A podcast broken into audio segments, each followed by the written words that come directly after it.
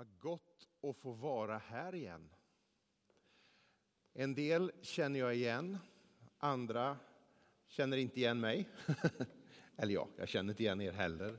Men tack för att jag fick komma hit till Pingstkyrkan. Har vi inte träffats förut och har vi gjort det så säger jag det ändå. Emanuel Georgsson heter jag. Jag är pastor och föreståndare i det som formellt heter Trollhättans missionskyrka.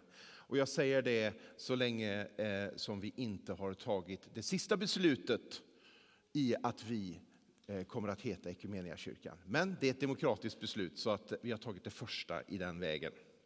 Nu vänner ska vi läsa bibelordet för idag. Ehm, och jag hade tänkt att utgå ifrån Matteus 5, eh, men kapitel 8, vers 5 till 13. Där står det så här. När Jesus gick in i Kafarnaum kom en officer fram till honom och bad honom om hjälp. Herre, min tjänare ligger förlamad där hemma och har svåra plågor. Jesus sade, ska då jag komma och bota honom? Officeren svarade, Herre, jag är inte värd att du går in under mitt tak.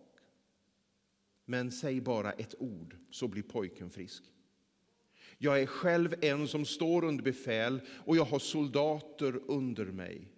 Och säger jag till den ene gå, så går han, och till den andra kom, så kommer han. Och säger jag till min tjänare, gör det, så gör han det. Gör det här, så gör han det. Jesus blev förvånad och sa till dem som följde honom, sannerligen, inte någon, av is, eh, någon i Israel har jag funnit, förlåt, inte någon, hos någon i Israel har jag funnit en så stark tro. Jag måste höja här, går det? Ni anar att det är problem med progressiva glasögon, bland annat. Det var Jesus som sa. Eh, Jesus blev förvånad och sade till dem som följde honom. Sannerligen, hos ingen, inte hos någon i Israel har jag funnit en så stark tro. Jag säger er att många ska komma från öster och väster och ligga till bords med Abraham och Isak och Jakob i himmelriket. Men rikets egna barn ska kastas ut i mörkret utanför. Där ska man gråta och skära tänder. Och till officeren sa han, gå, du trodde, och det skall ske. Och i det ögonblicket blev pojken frisk. Det här bibelordet kommer vi att snurra en god stund runt nu. Så håll i grannen bredvid dig, höll jag på att säga, så kör vi. Låt oss be. Jesus, du har aldrig skyddat dig mot oss. Istället öppnade du ditt liv på vid gavel och inbjöd oss att dela allt med dig. Kom med din heliga ande och fördriv all rädsla ifrån oss. Väck den kärlek som förenar oss med dig och dina intressen i världen. Vidga våra hjärtan så att vi söker din ära mer än vår egen. Du som är utstrålningen, utstrålningen av Faderns härlighet. Amen. Amen. Hur stark tro har du? Den där frågan är den mest knasiga jag känner till nästan. Hur stark tro har du? Och den kommer, det kommer en sån här olustkänsla eller jobbig känsla när jag hör någon ställa den till mig, typ i den här formen. Jag önskar att jag hade en så stark tro som du verkar ha. Jag, betonar verkar ha, för jag känner inte igen mig. Va? Jag blir liksom obekväm därför att samtidigt som frågan ställs så ställer jag mig själv frågan, Emanuel, hur stark tro har du? Alltså jag kan ana att det i frågan hos den som söker en tro just är det att man söker en tro. Att få finna en härlig tro på Jesus och känna sig trygg i den. Men i ärlighetens namn så tror jag att vi är många, och ibland mig inkluderat som har kommit att kramp, ha liksom en krampaktig syn på tron. Vad är stark tro egentligen? Frågan kommer ju upp i den här texten. liksom. I bibelberättelsen som vi just läste så tycker jag mig se hur Jesus bekräftar en person. Han bekräftar den här officeren som han mötte. Och jag undrar om det inte är så att den här berättelsen skulle kunna, om vi bara sakta ner, stannar upp där vi är och låter det ske, att den här texten skulle kunna med officerens hjälp lösa någonting i våra liv. Öppna upp någonting. Så att vår första del av det här året, då jag vet att den här församlingen tillbringar tid i bön på ett särskilt sätt, att det får öppna upp någonting där också. Jag sa till någon, jag vet inte vem man egentligen predikar till. För jag måste säga att de här frågorna är viktiga för mig, med min bakgrund. Jag kommer tillbaka till det. Men du får hänga med på den helt enkelt. Den resan. Så blir det idag. Vem är den där officeren? Ja, vi vet ju i princip inte så mycket, så vi kan inte säga så mycket om det. Men vad Bibeln ändå låter oss förstå är att han är en officer av någon typ. Grundtexten skulle väl handla om att han är, att han är officer för ungefär 100 personer. En, som på eh, eh italienska, men på latin skulle kallas för en centurion. Eh, och vi förstår att han är förmodligen romare på grund av sammanhanget. Och vi ser att han är öppen. Han är öppen för tron på Jesus. Men han kommer till Jesus med en personlig nöd. Bland de romerska soldaterna så fanns i, i Israel så fanns det de som kallades för fromma eller för gudsfruktiga människor som inte var judar, men som var öppna mot Gud, som, som följde liksom ordningarna och som bad bönerna, men som kanske inte ännu var omskurna och, och, och så. Det här var förmodligen en av dem, en gudsfruktig människa. Mannen som kom till Jesus har en del att lära oss. Jag vill att du lägger märke till, jag vet inte texten om den fanns med där, det gör ingenting i så fall, då säger jag det. Vad han kommer med, eller rättare sagt, vad är det mannen inte kommer med? Han kommer inte med ett CV. Du vet, han kommer inte med en meritlista. Det här kan jag. Han redogör inte för sina andliga segrar eller vad han tror. Han tar inte upp hur mycket han lyder Guds lag. Han kommer inte till Jesus för att Jesus ska bevisa sig för honom. Kom igen nu, gör någonting Jesus. Han kommer med ett behov. Han kommer med ett behov. Han kommer inte för att pröva Jesus. Sätta honom på prov menar jag då. Utan han kommer för att han själv har någonting. Vad är det som händer när Jesus då säger att den här mannen har stark tro? Ja, kanske är det just på grund av det att mannen kommer med två tomma händer.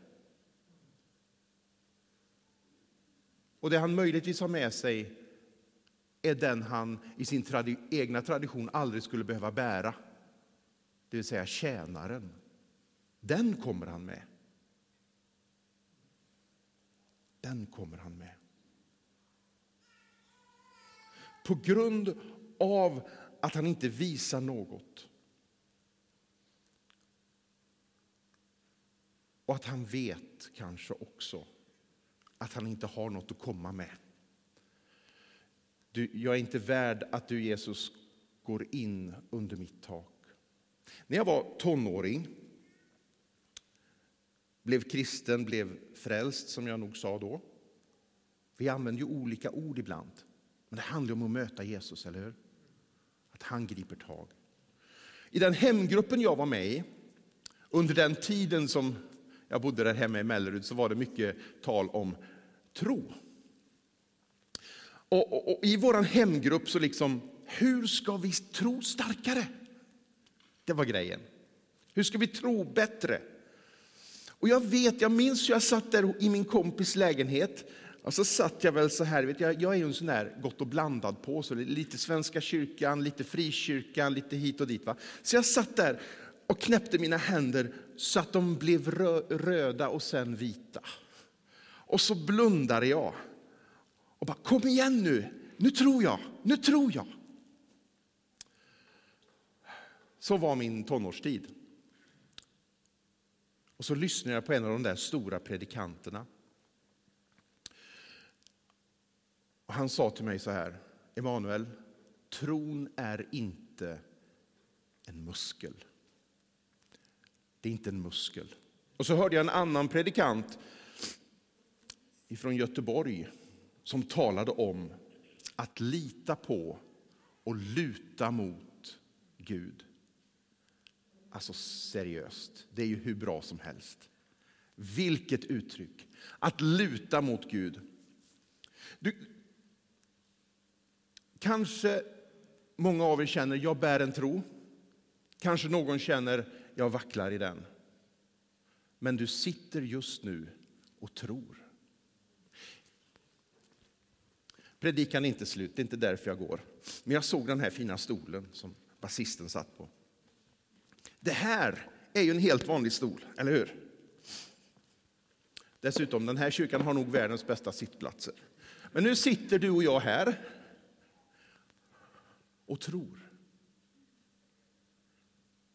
För om din ryggrad hade kunnat tala och se dig sitta på den här stolen så hade den dragit upp säkert alla de där minnena av dig i pulkabacken, dig på cykel och skrikit åt dig, res dig från denna mycket märkliga upphängning där du sitter 41 centimeter ovanför ett stenhårt golv. Var rädd om mig och svanskotan. Men inte tänker vi på det. Utan vi väljer att ha en relation till den här stolen som är rätt bra, eller hur? Vi sitter ner och vi försöker lita på att det håller. Till slut har vi lärt oss att det gör det. Jag önskar åtminstone att min tro var sån, att jag kunde sitta så här. Men jag vet att så ofta så gör jag ju det inte.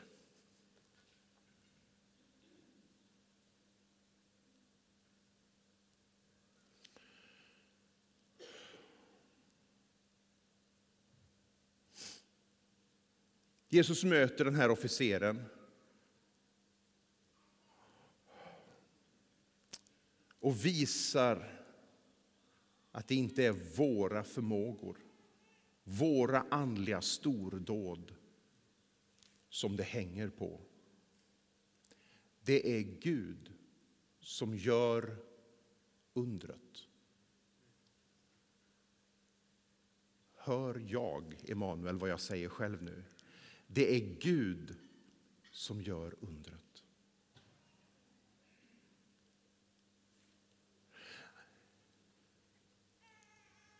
Det är så viktigt. Och Jag tycker det är så fantastiskt när jag läser den här berättelsen om en man som kommer, som har öppnat sitt liv för Gud, som som kommer med sin tjänare. Alltså en, en, en, person han inte hade behövt bära fram, men han vill bära fram sin tjänare till Jesus. han har nöd för sin tjänare. Kommer du ihåg det ordet? Du som har varit med ett tag. När hade jag nöd senast? När kände jag att det är väldigt viktigt att den här personen få möta Guds omtanke?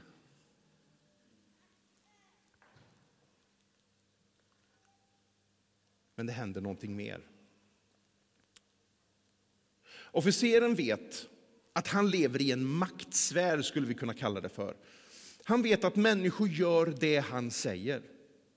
I hans värld lyder människor honom. Så kommer han till Jesus och så bekänner han någonting som du och jag har så svårt för att bekänna.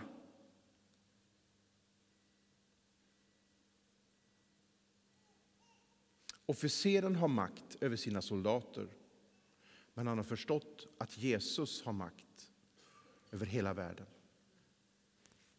Han behöver inte som de gamla eh, mirakelmännen gå till den som är sjuk och lägga handen på den. Han behöver inte det. Det är ju därför som ni samlas och ber för era missionärer ber för Trollhättan, ber för människor som ligger i en sjuksäng eller som är ensamma och som inte kan vara här. Därför att han är inte som en gammal mirakelman som måste gå och göra någonting. Nej, han finns över hela rymden och tiden. Det är vår Gud. Officeren tror, alltså det här, det här har jag funderat mycket på. Officeren tror inte på sin tro. Den var svår för mig som tonåring att komma underfund med. När jag satt där och krämpade, då undrar jag om jag inte satt och trodde på min tro. Utan han trodde på Jesus. Han liksom la sina frågor och sitt behov fram till Jesus. Det var där fokus fanns. Och det tänker jag är värt att påminna om nu när vi går in i ett nytt år. Det är där fokus ska finnas. Det är dit vi ska. Det är honom vi ska följa. Det är en otrolig skillnad Därför att min tro gör inte under. Det är Jesus som gör det. Min tro dog inte för mig på korset och vann försoning åt mig. Det var Jesus som gjorde det. Och i tro öppnar jag mig för det. Min tro frälser mig inte, men det, det gör Jesus. Jag blir så glad när jag får säga det. Det är det han gör.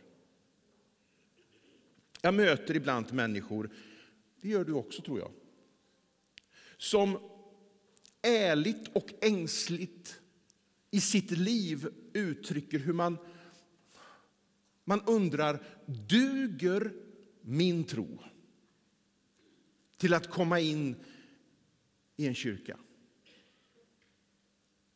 Och så blir man frustrerad, eller hur? Man blir frustrerad därför att vi gör allt vad vi kan och önskar och hoppas och ber att människor ska få känna kom. Resan börjar där du står. Eller som jag sa, vi var på, eh, pastorerna här var ju på eh, eh Eh, pingstpastor. Samtidigt var vi där pingstpastor var förut med Equmeniakyrkans pastorer på Eh, på vinterkonferensen och så satt vi där och, och jag skulle jag kan ingenting om sport. Då skulle jag ge en liknelse och säga någonting. Alltså det gäller att släppa sargen och börja spela boll. Och jag var så inne i det jag sa tills jag insåg att sargen har ingenting med bollen att göra överhuvudtaget. Det är två olika. Ja, då var det en pastor i en tidigare församling jag var som sa så här, får jag trycka upp en t-shirt med det och ditt namn under? Jag vet inte. Men nu har jag sagt det till fler så nu, ja, vad vill jag med det?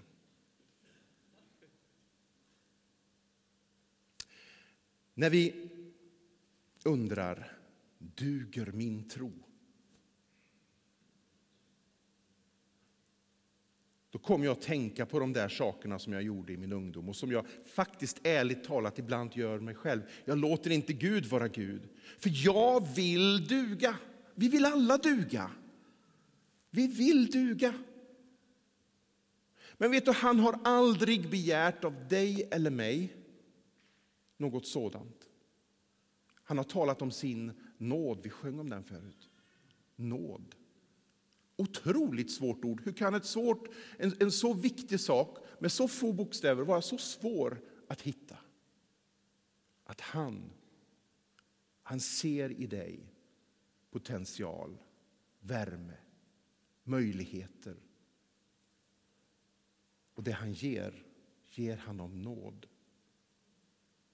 Förstå mig rätt, helgelsen är viktig. Den är viktig. Det är inte där jag är nu. Hoppas du hänger med på det. Att vi faktiskt gör någonting med våra liv som visar att det har hänt en skillnad i oss. Det är viktigt. Men det du får, det får du av nåd. Han ber dig att likt du sätter dig på en stol, lita på honom. Det är en vandring det. Lita på honom att han håller, och det här är viktigt idag, att han håller när allt annat rämnar. För visst ser du det här ständigt och jämt och du kanske precis som jag ser alldeles för mycket sånt i nyheter så att man mår dåligt. Och så fastnar man och så låser man sig. Men när allt annat rämnar, om det än skulle göra det, då finns han där. Hans nåd. Officeren kom till Jesus, inte med sin makt och auktoritet, inte med sina meriter, utan med bön om hjälp. Han hade ett hjärta för mer än sig själv. Varje församling i Trollhättan behöver ett hjärta för sin stad och sin värld. Han litade inte på sin egen styrka, utan på Jesus. Han erkände Jesus som Herre över hela världen. Och jag tänker, kanske du finns här idag som undrar Duger jag? Då vill jag säga, du duger. Du är älskad, du är önskad av evighetens Gud.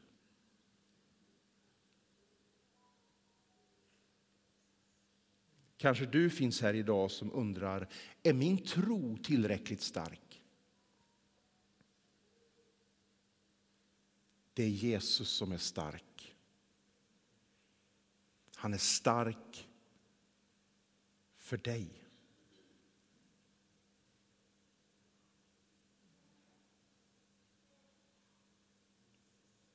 Någon sa så här.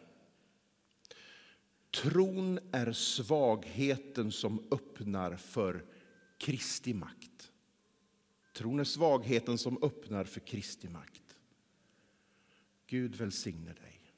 Låt oss be och så kan musikerna komma fram. Himmelske Herre, vi kommer till dig med det vi är och det vi har. Och det vi så väl inuti vet att vi saknar, vad det nu är. Var och en av oss har olika sådana saker. Tack för att du säger till oss, du duger. Vi börjar härifrån. Tack för att du ger oss kraften och nåden Tack för att du går med och vi får gå med dig som dina medarbetare. Tack Herre att vi kan ta det här tillfället idag som ytterligare en chans att börja om.